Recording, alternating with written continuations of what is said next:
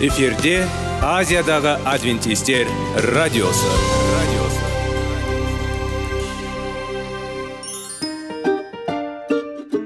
сәлем достар. Денсаулық өмір бұлағы және біздің бірінші байлығымыз демекші денсаулық сағаты рубрикасына қош келдіңіздер.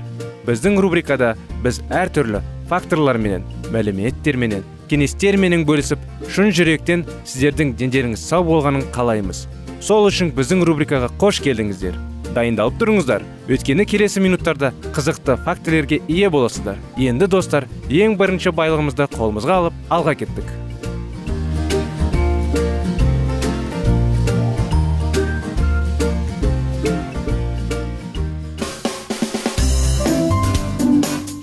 Денсаулық туралы хабар.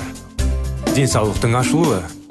Күн сайын сөз үшін күшті кеңестер соңғы жаңалықтар қызықты факторлар. Біздің рубрикада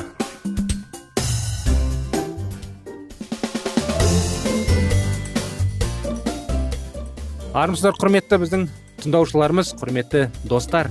Денсаулық сағатымызға қош келдіңіздер. Денсаулық сағат бағдарламасында сіздердің назарларыңызға өздеріңіз енді байқап білген шығарсыздар әрдайым денсаулықты дұрыс қалыпта сақтайтын не зиян не пайдалы не дұрысірек пайдалы. Қайсы бірінші орынға қою керек қайсы екінші орынға? Қайсы мүлдем пайдаланбауға болмайтын жақты заттарды тақырыптарды көтеріп әңгімелейміз. Ал мінекей қазіргі уақыттарда сіздердің назарларыңызға қытай зерттеулер тақырыбын жалғастырудамыз. Соны ары қарай жалғастыра кетейік. 1988 жылы висконсин ғалымдары көз денсаулығы мен тамақтану арасындағы байланысты зерттей бастады. Зерттеуге 1300-ден астам адам қатысты. 10 жылдан кейін есеп жарияланды. Осы жұмыстың нәтижелері бойынша лютеинді көп тұтынған адамдарға антиоксиданттың көрнелігі әртүрлі катаракта ауруы лютеинді аз тұтынатындарға қарағанда екі есе төмен болды. Бұл қызықты химиялық зат. Шпинат пен басқа да қара жапырақты көкөністерден басқа ажырамас бөлігі болып табылады. Линза маталары. Тиісінше шпинатты көп тұтынған адамдарда катаракта 40 пайыз аз кездеседі. Бұл екі көз ауруы макула дистрофия және катаракта. Біз ашық түсті жасыл және жапырақтың көкөністерді жеткілікті мөлшерде тұтынбаған кезде пайда болды. Екі жағдайда да аурудың себебі бос радикалдардың көп болуы олардың саны жануарлардың тамағын тұтынған кезде артады және өсімдік тағамдарын тұтынған кезде азаяды. Тамақтанудың миға әсері бұл кітап дүкен сөрелеріне пайда болған кезде мен 70 жаста боламын жақында мен бітірудің елу жылдығына арналған түлектер кездесуіне балып бардым. Онда менің көптеген сыныптастарымның қайтыс болғанын білдім. Маған пошта арқылы зейнеткерлердің американдық қауымдастарының журналы келеді. Зейнеткер ретінде мен әртүрлі ауруларға зейнеткер мен ай сайынғы зейнетақы төлемдерін аламын. Кейбір эфемизм. Әуесқойлары мені жеткілген адам деп атай алады. Мен жай ғана айтамын. Қарт. Бірақ қарт болу деген нені білдіреді? Мен әлі күнге дейін әр таңертең кейде күніне 10 километр жүгіремін. 10 километр елестетіп көріңіздерші. Мен бұрын соның болмағаныңдай белсенді жұмыс істеймін. Мен әлі де осы уақытымды белсенді өткіземін. Немерелеріме барамын достарыммен түскі ас ішемін басқаша да жұмыс істеймін саяхаттаймын гольф ойнаймын дәріс оқимын немесе кішігірім жөнінде жүргіземін. Мысалы қоршау саламын немесе фермада істегенде жөндеу жасаймын. Бірақ бір нәрсе өзгерді. Қазір 70 жаста. Мен енді 20-да болмағанымды түсінікті. Тез және күшті емес. Мен күнделікті жұмысқа аз уақыт жұмсаймын және үй ұйықтаймын. Барлық біз білеміз. Егде жаста біздің мүмкіндігі шектеулі көзделгендермен салыстырғанда олар жастық. Алайда ғылыми дәлелдер қарайғанға нақты ақыл ойды сақтауға болатындығын көрсетеді. Жаттың жоғалуы кеңістіктегі бағдарлардың бұзылуы және шатасу қартаюдың сөзсіз серектері емес бұл қиындықтар өте маңызды факторларға байланысты. Тамақтану. Қазіргі уақытта тамақтанудың ақыл ой қабілетінің төмендеуімен байланысты екі негізгі аурумен байланысты туралы ақпарат бар. Олардың аз ауруы танымал бұзылыс немесе танымалдық дисфункциясын деп аталады. Бұл бұзылудан зардап шеккен адамның есте сақтау және ойлау қабілеті бұрынғыға қарағанда нашарлайды. Бұл ауру әртүрлі дәрежеде көрінуі мүмкін. Ақыл ой қабілетінің төмендеуінен бастап көзге көрінетін және оңай диагноз қойылған формаларға дейін. Адамның өміріне қауіп төндіретін ауыр психикалық бұзылулар бар. Мұндай бұзылыс деменция. Бұл аурудың екі негізгі түрі бар. Тамырлы деменция және альцгеймер ауру. Тамырлы деменция әдетте мидағы қан тамырларының жарылуы нәтижесінде. Көптеген ұсақ соққылықтардан болады қарт адамдарда өмірінің соңғы жылдарында мұндай асимптоматикалық соққылар жиі кездеседі инсульт егер ол байқалмаса және диагноз қойылмаса асимптоматикалық болып саналады. Әрбір микроинсульт мидың бір бөлігінің ақыл ой қабілетін төмендетеді. Деминацияның тағы бір түрі альцгеймер бета амилоид деп аталған ақау затты мидың маңызды аймақтарында жүрек тамыр ауруларына пайда болатын холестеринді бляшкаларға ұқсайтын бляшкалары түрінде жиналған кезде пайда болды. Альцгеймер ауруы таң қаларлық кең таралған. Кейбір мәліметтер бойынша 65 жастағы адамдардың бір пайызында альцгеймер белгілері бар және бұл сан әр 5 жыл сайын екі есе өседі. Менің ойымша сондықтан біз екі ақылсыздықты. Қартаю процесінің бөлігі ретінде қабылдаймыз. Когнитивті бұзылулары. Бар адамдардың 10-12 пайызы. Ауру деменациясының ауыр түрлеріне айналады. Ол олардың тек бір пайызында танымдық бұзылуы жоқ. Кейіннен бұл ауру пайда болады. Бұл когнитивті бұзылулардан зардап шегушілердің альцгеймер қаупі. 10 есе жоғары екенін білдіреді. Когнитивті дисфункция көбінесе ауыр деминацияға алып келеді. Бірақ көбінесе жүрек қан тамырлары аурулары инсульт және ересектердегі екінші типтегі қан диабетімен бірге жүгіреді. Барлық осы аурулар көбінесе халықтың бір тобында көбінесе сол адамдардың кездеседі. Мұндай кластерлеу олардың жалпы қауіп факторлары бар екенін білдіреді. Мұндай факторларға гипертензия жоғары қан қысымы және қандағы холестериннің жоғары деңгейі жатады. Осындай анықтама достар. Мінекей осындай зерттеулердің көптеген нәрселерді дұрыс түсінеміз деп ойлаймыз. Ал жалғасын келесі жолы жалғастырамыз. Келесі бағдарламаға дейін сау болыңыздар.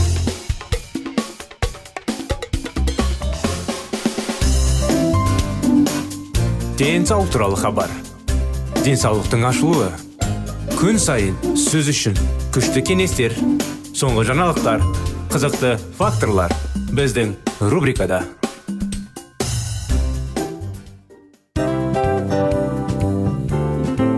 Әуелі байлық денсаулық екінші байлық он саулық үшінші байлық ақ жаулық. Ал енді осындай радио парақшадан кейін не дейміз? Барлықтарыңызға денсаулықтарыңыз зор болсын деп тілейміз. Денсаулықтың өзгеруі кішкентай нәрселерден басталады. Осымен біз берген кеңестер мен мәліметтер шын жүректен сіздер үшін қандай да бір болсын жәрдем берді деп үміттенеміз. Тыңдаушыларымызбен келесі радио парақшасына дейін қоштассамыз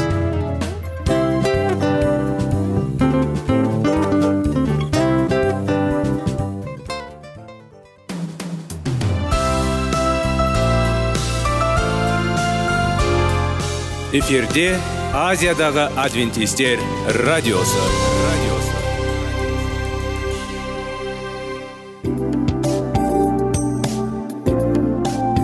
Сәлем достар. Барлықтарыңызға шын жүректен сөйлесейік рубрикасына қош келдіңіздер деп айтпақшымыз. Шын жүректен сөйлесейік бағдарламасы әртүрлі қызықты тақырыптарға арналған. Шындығында шын жүректен сөйлесейік деген сөздің мағынасы екі достың екі адамның ортасындағы шын жүрекпен сөйлесуі бір біріне сенуі ашықтық пен шындықты білдіреді. Сол үшін біздің бағдарламалар әртүрлі қызықты тақырыптарға арналған. Дайындалыңыз жаңа қызықты мәліметтерге ие болуға. Ондай болса кеттік.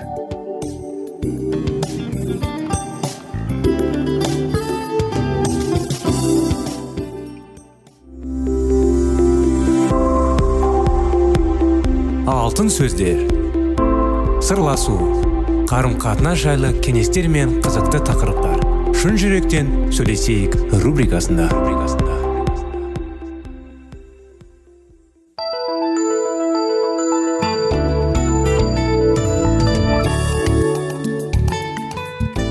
Сәлем достар армысыздар құрметті біздің тыңдаушыларымыз.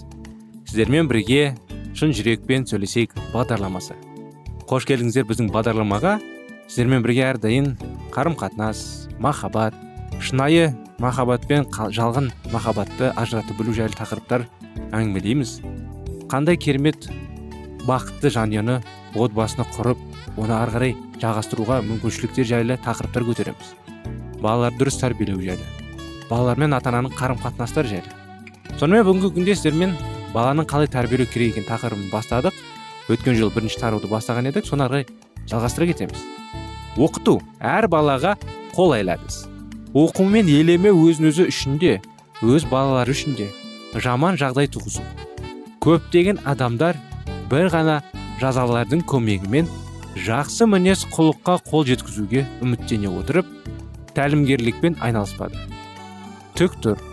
18 жасар жігіттер әскерге түскенде оларды үйрететін бірінші нәрсе бұл тік тұр. Сапқа тұрудың осы ұзақ уақыты қарапайым мақсаты бар. Ерік жігерді бағындыруға үйрету және айыптауға қол жеткізу. Баласы айтатын түк тұр. Бұл жауынгерлік дайындықтың басы. Егер бір командада сіз мүлдем үнсіздікпен және сіздің барлық балаларыңыздың назарын аудара алатын болса қандай жеңілдік болар еді деп ойлаңыз сержант сарбаздарға саптық тіректі қабылдау туралы команда бере алады. Содан кейін түсіндіруіміз оларға назар аудармауы мүмкін. Бірақ олар осындай жағдайда қатып қалған тіпті ісінен айырылуға дейін қалады. Он иық алға сол иық алға. Рота тоқта сияқты командалар. Егер олар солдаттарды дереу сөзсіз бағындыруға дайындалмаса соғысқа ешқандай маңызды емес. Әскери қызметкерлер сияқты үйдегі барлық тәрбие түк түр командасынан басталады. Пәнге байланысты үйдегі барлық қиындықтардың төрттен үш бөлігі. Егер сіз кез келген уақытта балалардың назарын толық ала алатын болсаңыз бірден шешілетін болар еді. Шеңберімен марш. Үй тіліне аударылған команда бөлмеден шық немесе ұйықтауға бар дегенді білдіреді. Сұрақтар қоймастан балалар бұрылып кетеді. Бұл әрине дұрыс тәрбиелеу отбасында. Жылқылар мен арбалар өзгермеген және әрқашан жаңа жылқы үйрететін жерде өмір сүреміз. Сіз арбаға отырғанда және тар ілмекті тас жолда жүргенде ауыр жүк көліктерімен орман көліктерімен соғылады. Сіздің атыңыз толығымен сізге бағыну қажет. Қамшымен оны бағынуға мәжбүр етеді деп ойлауға болмайды. Бір тілек жас жігіттер бірнеше жан қарағай жәшіктерін жұлып екі метр шұңқырды қазды жылқы ұстап алған кезде оны алдымен тік тұрып бағынуға үйретеді. Ол кедей немесе тәлімгерден қорықпау керек. Ол 13 бала арбаға жету үшін темір доңғалақтардың алдында жүріп тұрғанша тік тұру керек. Жылқы кірме жолдың соңында тоқтаған кезде көлік жүріп кеткенше күте тұрып үшін ол өзінің ерік жігерін көрсетпеуге және ауыр жүк көлігін кесіп шығуға тиіс. Сіз барлық мүмкін жағдайларды болжап оларға сіздің жылқы дайындау керек. Оқыту жылқы реакциясын тексеру және өңдеу үшін жағдайлар жасалатын бақылатын жағдайда жүргізіледі. Алдымен жылқы қабілетін анықтайды. Ұстап жаңағындай жүгенің және жүргізуге отырып жылқы оны тоқтатасыз өйткені сіз тоқтату керек соны бірнеше жылқы бұйрығыңыздан кейін тоқтай бастайды үйренген белгіленген сөзде ол жылқы жауап береді егер сіз дір десеңіз егер сіз осы команданы көрмесеңіз онда болашақта жылқы тоқтамайды әрине ол үшін оған дір деп айту керек осындай бір фермер өз аттарын үйретіп оларға айқайлап жамандық жасады. Атпен тыныш сөйлескен көршілердің көпшілігі оның аттарын басқара алады. Себебі ол сияқты қатты айқайлай алмайды. Тек маған бір күні айтқанымда 400 килограммға жуық салмақтағы молға бөренені тасымалдап ол уақыт өте келе бөренімен қашып кетуге тырысты. Әсіресе қиын сәтте дәлерек айтқанда үйрейде мен командаларда айқастыра бастадым. Мал иесі мені тыныш және тыныш сөйлей әйтпесе ол сені тыңдамайды деп ескертті. Ал мен тұр дедім ұсындығы жеті жарым метр болатын ақ емен бөренесін басқан мұлу қашқын. Ал менің аяғым төсекте ілініп тұрды. Міне есте сақтау маңызды. Жануар дыбысты ғана емес үнді де тануды үйренеді. Егер балаңызға бұйрық бере отырып сіз дауысты жоғарылатсаңыз ол сіздің ниетіңізбен үнмен дауысты байланыстыруды үйренеді. Егер сіз оны үйреткен болсаңыз ол сіздің алғашқы 13 ұсыныстар елемеуге болады. Ол команда ретінде түсіну керек. Сондықтан децибел деңгейі көтеріледі. Кезде күтіп оны айтпалмайды жас жігітке жол басында тәлім беру. Ол одан қашан және қартайған кезде жалтармайды. Жаза емес тәлім білім беру емес тәлім. Он бекіту емес тәлім. Тәлімгерлік бұл баланы тәрбиелеудегі ең жетіспейтін осындай зат мәселе. Тәлімгерлік жаза емес. Балаға тыңдауды оқыту қарағанда көбірек қажет. Бірақ онсыз бәрі жеткіліксіз болады. Ата аналарға баланың мінез құлқы қолайсыз болғанша күте алмау керек. Тек сонда ғана тәлім беруді бастау керек. Бұл жағдайда бұл жаза жаза оқытудың бір бөлігі болып табылады. Бірақ дұрыс мінез құлыққа жету үшін бір жаза жеткіліксіз. Оқыту бұл тағдырыс пайда болғанға дейін баланың ақыл ойын қабылдауға үйрету. Спортшы жарыстарға қатыспас бұрын жаттығады. Жануарлар соның ішінде жабайы жануарлар олар әрекет ету және өздерін белгі бір жолмен жүргізу үшін үйрету керек. Мінекей осымен екінші бағдарламамыз аяғына келіп жетті құрметті достар. Жалғасын келесі жолы жалғастырып келесі жолға дейін сау сәлемет болыңыздар дейміз.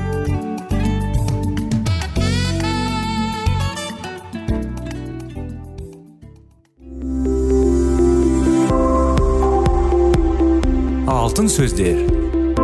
Сырласу. Қарым қатынас жайлы кеңестер мен қызықты тақырыптар. Шын жүректен сөйлесейік рубрикасында.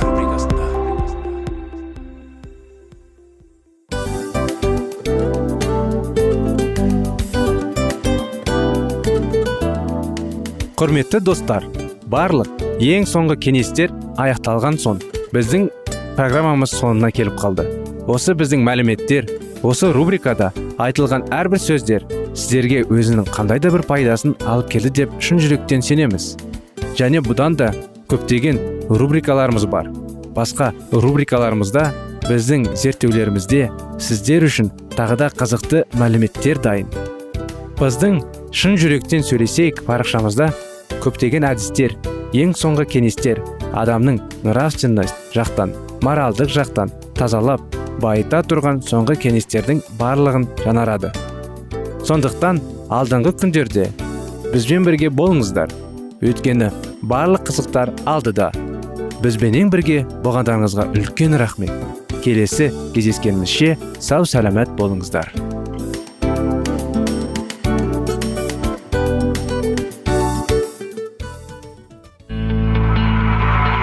Жан дүниеңді байытқан жүрегіңді жаңғыртқан өмірдің мағынасын ойландырған рухани жаңғыру.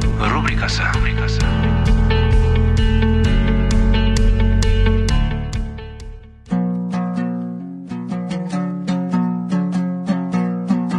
Ассалаумағалейкум біздің тыңдаушыларымыз. Келі кітаптың шындығын ашып берген қысқа бағдарламасына қош келдіңіздер. Барлығынан жоғары жаратушы біздің қарыңғылықта жалғыз қалдырып қойған емес. Өйткені ол келешекте не болу керек екенін кітаптың парақтарында ашып береді. Немесе келіңіздер бізге қосылыңыздар. Жаратушы бізге нен ашып бергенін зерттейміз. Киелі жазбаның ғылымдардың өздеріне құпия немесе мәнсіз болып көрінетін жерлер көп. Бірақ масықтың мектебінде оқитын шәкірттерге. Киелі кітаптың маңызды жерлері жоқ. Көптеген дін зерттеушілер. Киелі жазбаны шала шорпы зерттейді. Себебі олар кейбір ақиқаттардың бағытымен жүргісі келмейді. Сол себепті оны байқамаған болып қоя салады. Алланың сөзін түсіну адамның ақылының тереңдігіне парасаттылығына ғана байланысты емес. Бұл айтылған қасиеттер жеткіліксіз. Ол үшін адамның пиғылы түзу болу керек және міндетті түрде табандылық танытқан жөн. Дұғасыз киелі кітапты зерттеуге болмайды. Өйткені киелі рух қана оны түсінуге көмектеседі. Және де санамыз қаншалықты сиғзалса соншалықты береді. Санамыз игере алмайтын жағына тосқауыл қояды. Көктегі періштелер болса киелі жазудағы сұлу шындықтың жүрегімізге нәр жанымызға әл болуын қамтамасыз етеді. Пайғамбардың көзімізді ашып сенің заныңна тамаша екенін көрсетші маған деген дұғасы біздің де дұғамызға айналу керек. Кейде адам дұғаға нем құрайды қарағандықтан албастыға тойтарыс беруге шамасы келмей қалады. Ал алланың дегенің екі етпей орында оның сөзіне мұқият деп қоятындарға қиын қыстау замандар келгенде қажетті аяндарды періштелер естеріне салады. Жау өзендей болып ағылса да алланың лебі оларды дереу тоқтатады. Жұбатушы киелі рух келіп менің айтқанымның барлығын сендердің естеріне салады деп уәде еткен болатын иса мәсіх. Киелі рух кезі келгенде ақиқатты біздің сенімімізге есімізге салу үшін оны біз оқуымыз және білуіміз керек білмеген нәрсені еске түсіру мүмкін бе? Сенің алдында күнә жасамас үшін. Сөзіңді жүрегіңде сақтамдым деген болатын дәуіт пайғамбар. Мәңгілік жайлы ойлайтын жандар күмәндану дегенді жүректеріне жақындатпау керек. Болашақта ақиқатқа шабуыл жасалатын замандар келеді.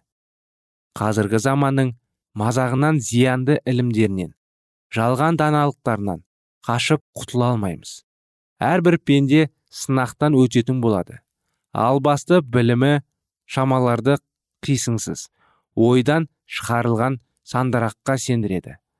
Ал білімі жоғарыларға неше түрлі философиялық теорияларды ұсынады. Мұның қайсысы болса да құдай сөзіне деген сенімсіздікке немесе немқұрайлыққа әкеліп тірейді. Ешқандай тәжірибесі жоқ жастардың өздері мәсіхшіліктің негізгі ұстанымдарына күмән келтіруге құқыларымыз деп есептейді. Олардың мұндай мінездерін неше жерден сыпайы түрде аңқаулық деп атағанымен осындай негізсіз ойларының өзі жанындағыларға жаман ықпалын тигізеді.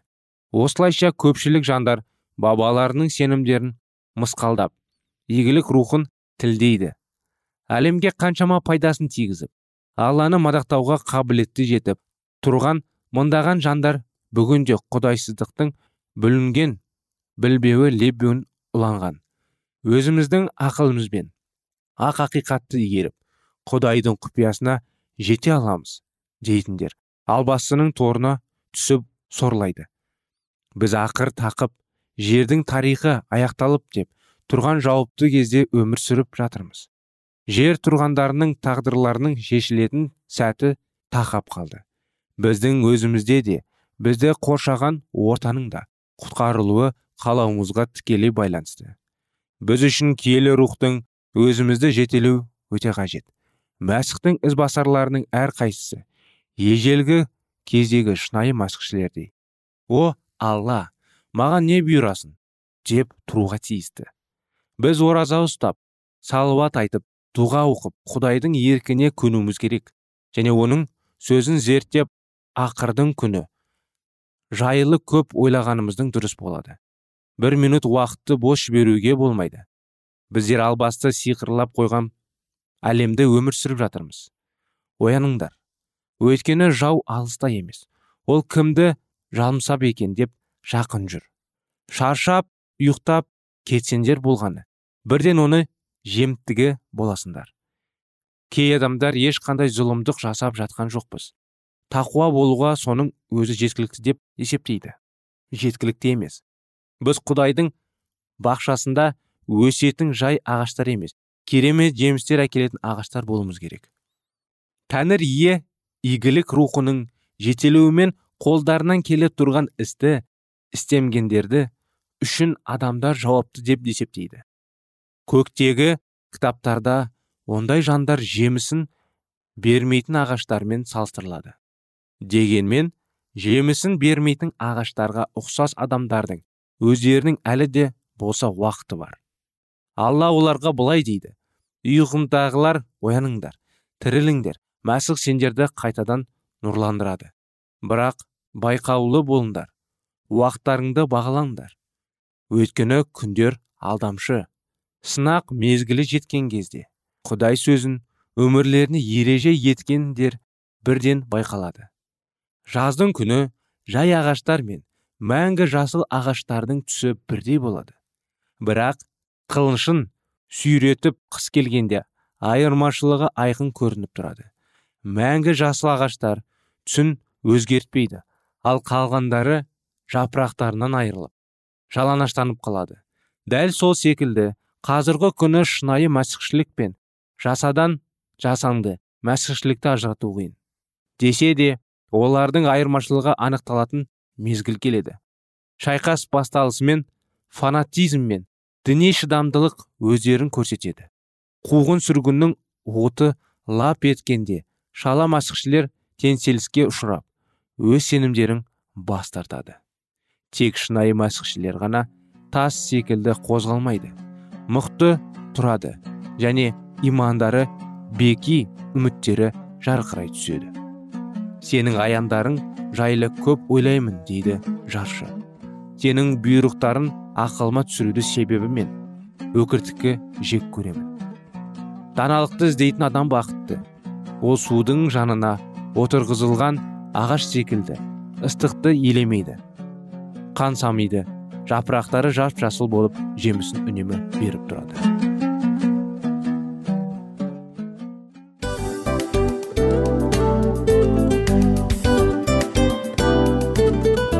Осымен достар программамыздың зерттеуіміздің ең қайғылы минутына жеттік. Қайғылы дегенде бағдарламамыз тез арада өтті де кетті. Соған көңіліміз деп тұр. Жарайды қайғыны қояйық бүгінгі 24 сағаттың алтындай жарты сағатын бізге бөліп арнағаныңыз үшін рахмет. Егер де өткен сфераларда пайдалы кеңес алған болсаңыз біз өзіміздің мақсатымызға жеткеніміз. Тыңдаушыларымызбен қоштасу уақыты келді. Келесі кездесулерді сағынышпен күтеміз. Жарты сағатты кездесуіміз көз ашып шапқанша дем арасында өтіп кетті. Бірақ бізде жақсы хабар бар. Келесі зерттеулерімізде сөзсіз кездесеміз. Өйткені көптеген сюрприздер қызықты мәліметтерді және керекті нәрселерді көбін дайындадық. Бүгінгі күндеріңіз өзгеше позитивті болсын. Жақындарыңыз аман есен болсын деп тілейміз. Жаратқан ие барлықтарыңызға батасын берсін. Істеген істеріңіз игілікті болсын. Келесі кездескенше сау саламат болыңыздар. Достар біздің бағдарлама бойынша сұрақтарыңыз болса әрине сіздерге керекті анықтама керек болса біздің whatsapp нөмірімізге хабарлассаңыздар болады. Плюс бір үш жүз бір жеті жүз алпыс алпыс жетпіс. Иә достар сіздер қателеспедіңіздер бұл біздің номерлерге ұқсас болмаса да бұл whatsapp номер арнайы. Хабарласыңыздар сұрақтарыңызды қойып тұрыңыздар. Анықтаманы алып тұрыңыздар. Плюс бір үш жүз бір жеті жүз алпыс алпыс жетпіс whatsapp номері